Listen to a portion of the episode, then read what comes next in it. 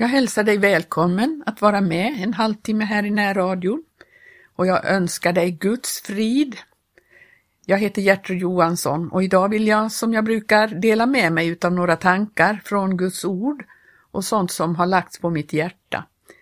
Förra veckan så talade jag om ljumheten och faran med ljumheten.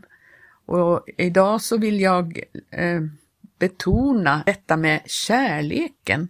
Kärleken är ju så viktig och förlorar vi den första kärleken, vilket vi kan läsa om i om Efeserförsamlingen då, att de hade förlorat sin första kärlek. Det är det första steget emot att bli ljum och det vill vi akta oss för. Jag ska börja med att läsa kapitel eh, 13 i första Korinthierbrevet och det vet alla som är bibelläsare att det är, det är kärlekens lov. Och vi läser också först, sista versen i tolfte kapitlet där Paulus skriver så här, men var ivriga att undfå det gåvor de största. Och nu vill jag ytterligare visa er en väg, en övermåttan härlig väg. Och så står det i kapitel 13. Om jag talade både människors och änglars tungomål men icke hade kärlek så vore jag allenast en ljudande malm eller en klingande symbol. Och om jag hade profetians gåva och visste alla hemligheter och ägde all kunskap och om jag hade all tro så att jag kunde förflytta berg men icke hade kärlek så vore jag intet. Och om jag gåve bort allt vad jag ägde till bröd åt de fattiga, ja, om jag offrade min kropp till att brännas upp men icke hade kärlek, så vore detta mig till intet gagn. Kärleken är tålig och mild, kärleken avundas icke, kärleken förhäver sig icke, den uppblåses icke, den skickar sig icke oöviskt, den söker icke sitt, den förtörnas icke, den hyser icke agg för en oförrätts skull. Den gläder sig icke över orättfärdigheten men har sin glädje i sanningen. Den fördrager allting, den tror allting, den hoppas allting, den uthärdar allting. Kärleken förgår aldrig. Men profetians gåva den ska försvinna och tungomålstalandet det ska ta slut och kunskapen den ska försvinna. Ty vårt skap är ett styckverk och vårt profeterande är ett styckverk. Men när det kommer som är fullkomligt, då ska det försvinna som är ett styckverk. När jag var barn talade jag så som ett barn, mitt sinne var så som ett barns, jag hade barnsliga tankar, men sedan jag blev man har jag lagt bort vad barnsligt var. Nu ser vi ju på ett dunkelt sätt så som i en spegel, men då ska vi se ansikte mot ansikte. Nu är min kunskap ett styckverk, då ska jag känna till fullo så som jag själv har blivit till fullo. Så blir de då beståndande. Tron, hoppet, kärleken, dessa tre. Men störst bland dem är kärleken. Vi förstår att kärleken är egentligen Guds eget väsen som genom den helige Ande har flyttat in i vårt innersta. Och om vi börjar då vandra på ett ljummet och halvdant sätt så förlorar vi ju detta liv, denna glöd, denna eld. Vi har tron, vi har hoppet och vi har kärleken. Tron är väldigt viktig. Vi ska titta lite på det också för att det, i första Johannes brev så säger ju eh, Guds ord så här i första Johannes brevs femte kapitel och fjärde vers så står det så här Ty allt som det övervinner världen och detta är den seger som har övervunnit världen, vår tro. Vilken annan kan övervinna världen än den som tror att Jesus är Guds son? Vi kan ju läsa i Hebreerbrevet där om att alla människor som tas upp där, de handlade genom tron. Och att handla genom tron, det är att inte handla i åskådning. Man har inga garanter, man ser inte framför sig hur det ska bli, men garanten själv, det är Gud som har kallat en och man tror på honom och då går man fast man inte ser hur det kommer att bli. Precis som Abraham drog ut fast han han inte visste vart han skulle komma. Det enda han eh, visste, det var att Gud hade kallat honom. Gud var hans garant och därför gick han. Och genom tron får vi vandra med Gud och vi har inte alltid någon garant för hur det ska bli, hur det ska se ut och vad som ska hända. Men garanten, det är Gud. Och därför så, när vi sätter tro till honom, då övervinner vi världen. Därför världen vill få oss att eh, hela tiden ha, eh, ha eh, ja, synligt hur det, vi tänker att det ska bli. Men eh, genom tron vinner vi seger över världen därför att världen lockar oss bort ifrån honom och lockar oss bort ifrån detta innerliga och täta förhållandet till honom som Abraham hade och vi är Abrahams eh, barn och vi vandrar i spåren av den tro som han hade. Eh, och i, i Galaterbrevet så kan man se att eh, där står det så här i Galaterbrevet 3 och sjunde versen. Så må ni nu veta att det som låter det bero på tro, det är Abrahams barn. Och eftersom skriften förutsåg att det var av tro som hedningarna skulle bli rättfärdiggjorda av Gud, så gav den i förväg åt Abraham detta glada budskap. I dig ska alla folk varda välsignade. Alltså blir de som låter det bero på tro välsignade tillika med Abraham, honom som trodde. Men alltså att tron, det står ju i eh, detta att eh, eh, tron är ett pansar. Det står det om i, i ska se här, i Thessalonikerbrevet. Vad hade jag det då? Jo, det ska finnas här. ja, i Thessalonikerbrevet. Jag har tydligen inte märkt ut det som jag brukar göra med mina bibelord som jag ska läsa. Men vi vet ändå att, att det är eh, trons och kärlekens pansar, står det i, i första Thessalonikerbrevet 5 och 8 versen. Vi som hör dagen till, vi må vara nyktra, iklädda trons och kärlekens pansar med frälsningens hopp såsom hjälm.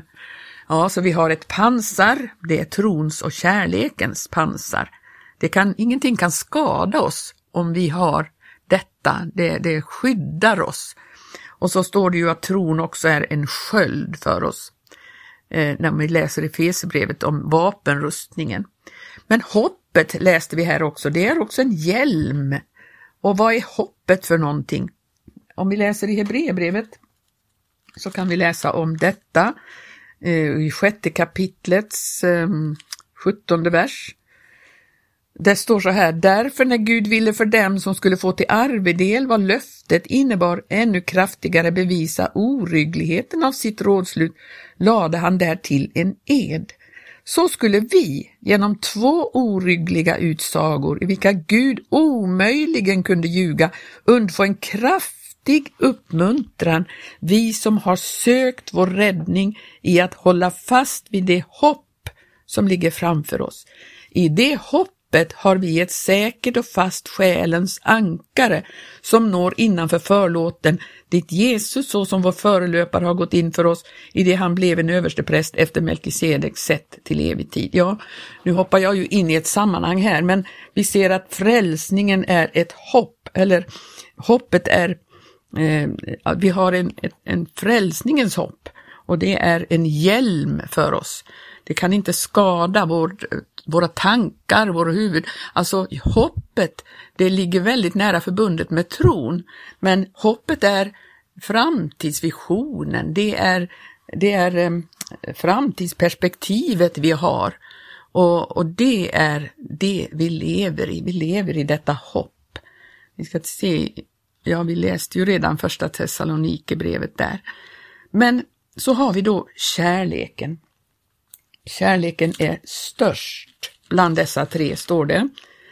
Och eh, i första Johannes brevs fjärde kapitel och sjunde vers kan vi läsa Mina älskade, låt oss älska varandra. Ty kärleken är av Gud och var och en som älskar han är född av Gud och känner Gud. Den som icke icke älskar, han har icke lärt känna Gud, ty Gud är kärleken. Därigenom har Guds kärlek blivit uppenbarad bland oss, att Gud har sänt sin enfödde son i världen för att vi ska leva genom honom. Icke däri består kärleken, att vi har älskat Gud, utan däri att han har älskat oss och sänt sin son till försoning för våra synder. Mina älskade, om Gud så har älskat oss, då är också vi pliktiga att älska varandra. Ingen har någonsin sett Gud. Om vi älskar varandra så förblir Gud i oss och hans kärlek är fullkomnad i oss. Ursäkta. ja, kärleken den visar sig, kärleken till Jesus visar sig i kärlek till medsyskonen. Och så står det ju detta att Gud är kärleken. Eh, I sextonde versen, och vi har lärt känna den kärlek som Gud har i oss och vi har kommit till tro på den. Gud är kärleken och den som förbliver i kärleken, han förbliver i Gud och Gud förbliver i honom. Då förstår vi varför det är så oerhört viktigt att bevaras i den första kärleken. Det står ju om att förbliva i honom, förbliva i vinträdet för att kunna bära frukt, att stanna kvar där. Och när vi läser då Efesierbrevet eller eh, om Efesierförsamlingen i Uppenbarelseboken, då, då blir det ju lite förvirrande för vi ser ju att det hjälpte ju inte med kärlek, eh, alltså gärningar, när man skulle visa kärleken. Det spelar ingen roll, man kan eh, lämna bort allt vad man äger och, och, och låta sin kropp brännas upp, man kan göra allt möjligt, men inte eh, om man inte har kärleken så hjälper inte det ett enda dugg. Men hur är det då? Eh, I detta sändebrev så står det ju så här, så här. Så säger han, alltså det är Uppenbarelseboken 2. Så säger han som håller de sju stjärnorna i sin högra hand, han som går omkring bland de sju gyllene ljusstakarna. Jag känner dina gärningar och ditt arbete och din ståndaktighet och så vidare. Och så står det, men jag har det emot dig att du har övergivit din första kärlek. Och så står det, betänk då varifrån du har fallit och bättra dig och gör åter sådana gärningar som du gjorde under din första tid. Varom icke så ska jag komma över dig och flytta din ljusstake från dess plats så fram du icke gör bättring. Ja, men handlade det då om gärningar? Jo, det gör ju det på något vis så visar sig ju vår kärlek till Gud genom gärningar. Vi kan inte åstadkomma kärlek genom gärningar, men vi kan visa vår kärlek till Gud genom gärningar. Och denna kärlek till Jesus, det kan man ju kämpa med och ha bekymmer om, därför att man kanske inte har sådana känslor som man skulle vilja och önska. Visst har känslorna väldigt stor betydelse, men det hjälper inte att ha en massa känslor om inte det visar sig i gärning. Och när det gäller kärleken till Jesus så handlar det väldigt mycket om att man har en inriktning på grund av att man eh, älskar Jesus. Man, eh, inriktningen, och det, det är ju nära förbundet med detta med tron och hoppet som vi har läst om. Det visar sig i vårt handlande om vi har en inriktning, en eh, vi vet vad Jesus vill och vad Jesus går.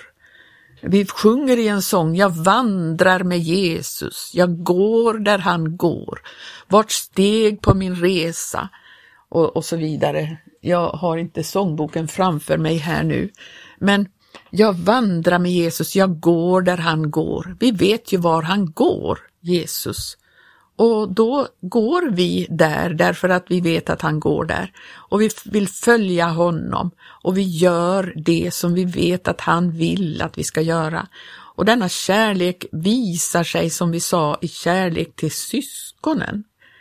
Nu ska jag läsa ett eh, stycke ur Höga visan. Höga visan är ju en, eh, en beskrivning utav förhållandet mellan brud och brudgum. och som är en bild på förhållandet mellan Jesus och den frälsta eller församlingen eller den enskilda människans förhållande till Jesus helt enkelt. Och jag ska läsa ett stycke ur eh, femte kapitlet i Höga visan. Det står så här. Jag låg och sov, dock vakade mitt hjärta. Hör, då klappar min vän på dörren. Öppna för mig, du min syster, min älskade, min duva, min fromma, ty mitt huvud är fullt av dagg, mina lockar av nattens droppar. Och då svarar bruden, jag har lagt av mina kläder, skulle jag nu åter taga dem på mig? Jag har tvagit mina fötter, skulle jag nu orena dem? Min vän räckte in sin hand genom luckan, då rördes mitt hjärta över honom. Jag stod upp för att öppna för min vän och mina händer dröpo av myrra, mina fingrar av flytande myrra som fuktade rigelns handtag. Så öppnade jag för min vän, men min vän var borta och försvunnen. Min själ blev utom sig vid tanken på hans ord. Jag sökte honom, men fann honom icke. Jag ropade på honom, men han svarade mig icke. Väktarna mötte mig där de gick omkring i staden. De slog mig och de sårade mig. De ryckte av mig min mantel, väktarna på murarna. Jag besvär er, ni Jerusalems döttrar, om ni finner min vän, så säg, ja, vad ska ni säga honom? Att jag är sjuk av kärlek. Och då svarar de här, vad är då din vän för mer än andra vänner, du skönaste bland kvinnor? Vad är din vän för mer än andra vänner eftersom du så besvär oss? Då svarar hon så här. Min vän är strålande vit och röd, härlig framför tiotusen. Hans huvud är finaste guld, hans lockar palmträdsvippor och svarta såsom korpen. Hans ögon liknar duvor invid vattenbäckar, duvor som badar sig i mjölk och sitta invid breddfull rand. Hans kinder liknar välluktrika blomstersängar, skrin med de doftande kryddor. Hans läppar är röda liljor, det drypa av flytande myrra. Hans händer är tenar av guld, besatta med krysoliter. Hans midja är formad av elfenben, övertäckt med safirer. Hans ben är pelar av vitaste marmor, som vilar på fotstycken av finaste guld. Att se honom är så som att se Libanon. Ståtlig är han, så som en seder hans mun är idel sötma, hela hans väsen är ljuvlighet. Sådan är min vän, ja, sådan är min älskade ni Jerusalems döttrar. Vart har han då gått, din vän, du skönaste bland kvinnor? Vart har din vän tagit vägen? Låt oss hjälpa dig att söka honom. Så fortsätter vi sjätte kapitlets första vers. Min vän har gått ner till sin lustgård, till sina välluktrika blomstersängar för att låta sin jord beta i lustgårdarna och för att plocka liljor.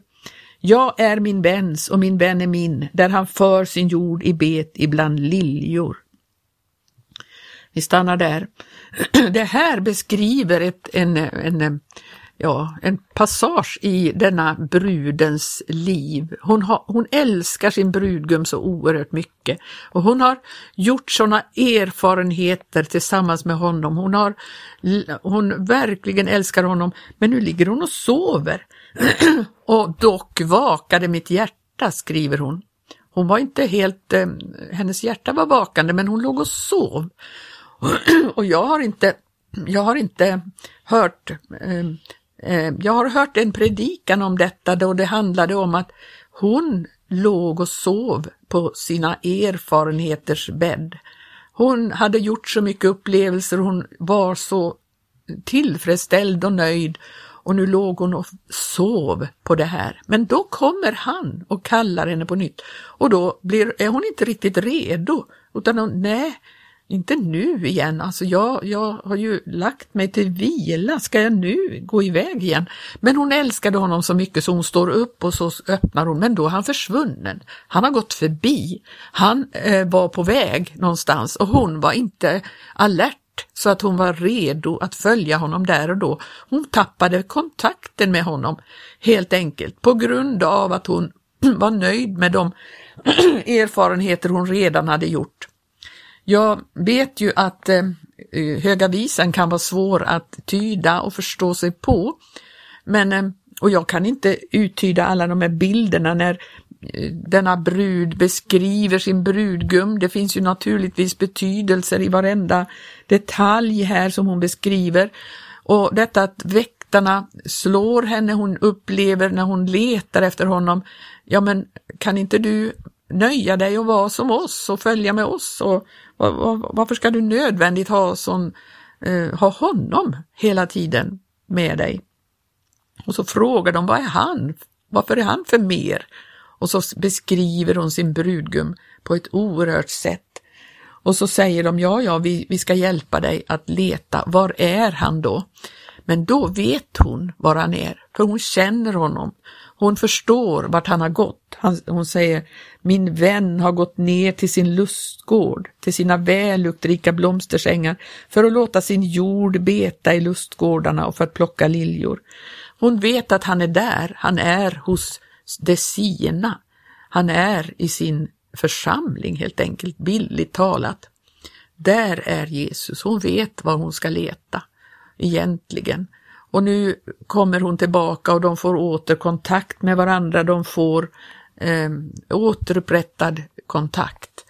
Hon eh, är så full av kärlek så hon har, hon har eh, lagt sig till ro med det som hon hade upplevt. Nej, det är så viktigt att ha en, en alert och levande kontakt med honom hela tiden. Att denna kärlek verkligen får sin, sin eh, vad ska man säga, sitt, sitt bevis i, i att vi följer honom vart han går och vi är redo att följa honom vart han går.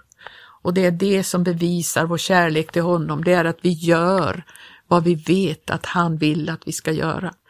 O, må du och jag vara fyllda av denna kärlek till Jesus. Jag vet inte om jag har kunnat förmedla vad jag vill i det här programmet, men jag hoppas att du kan förstå någonting utav kärlekens betydelse och att vi låter denna kärlek förnyas ständigt i våra liv så att inte vi tappar kontakten med honom därför att vi har haft gjort upplevelser i det förgångna. Vi måste vandra med honom idag och vi vet var han är. Han är, som det står här, eh, till sin lustgård, sina välluktrika blomsters ängar. Där är han. Han är bland det folk som älskar honom.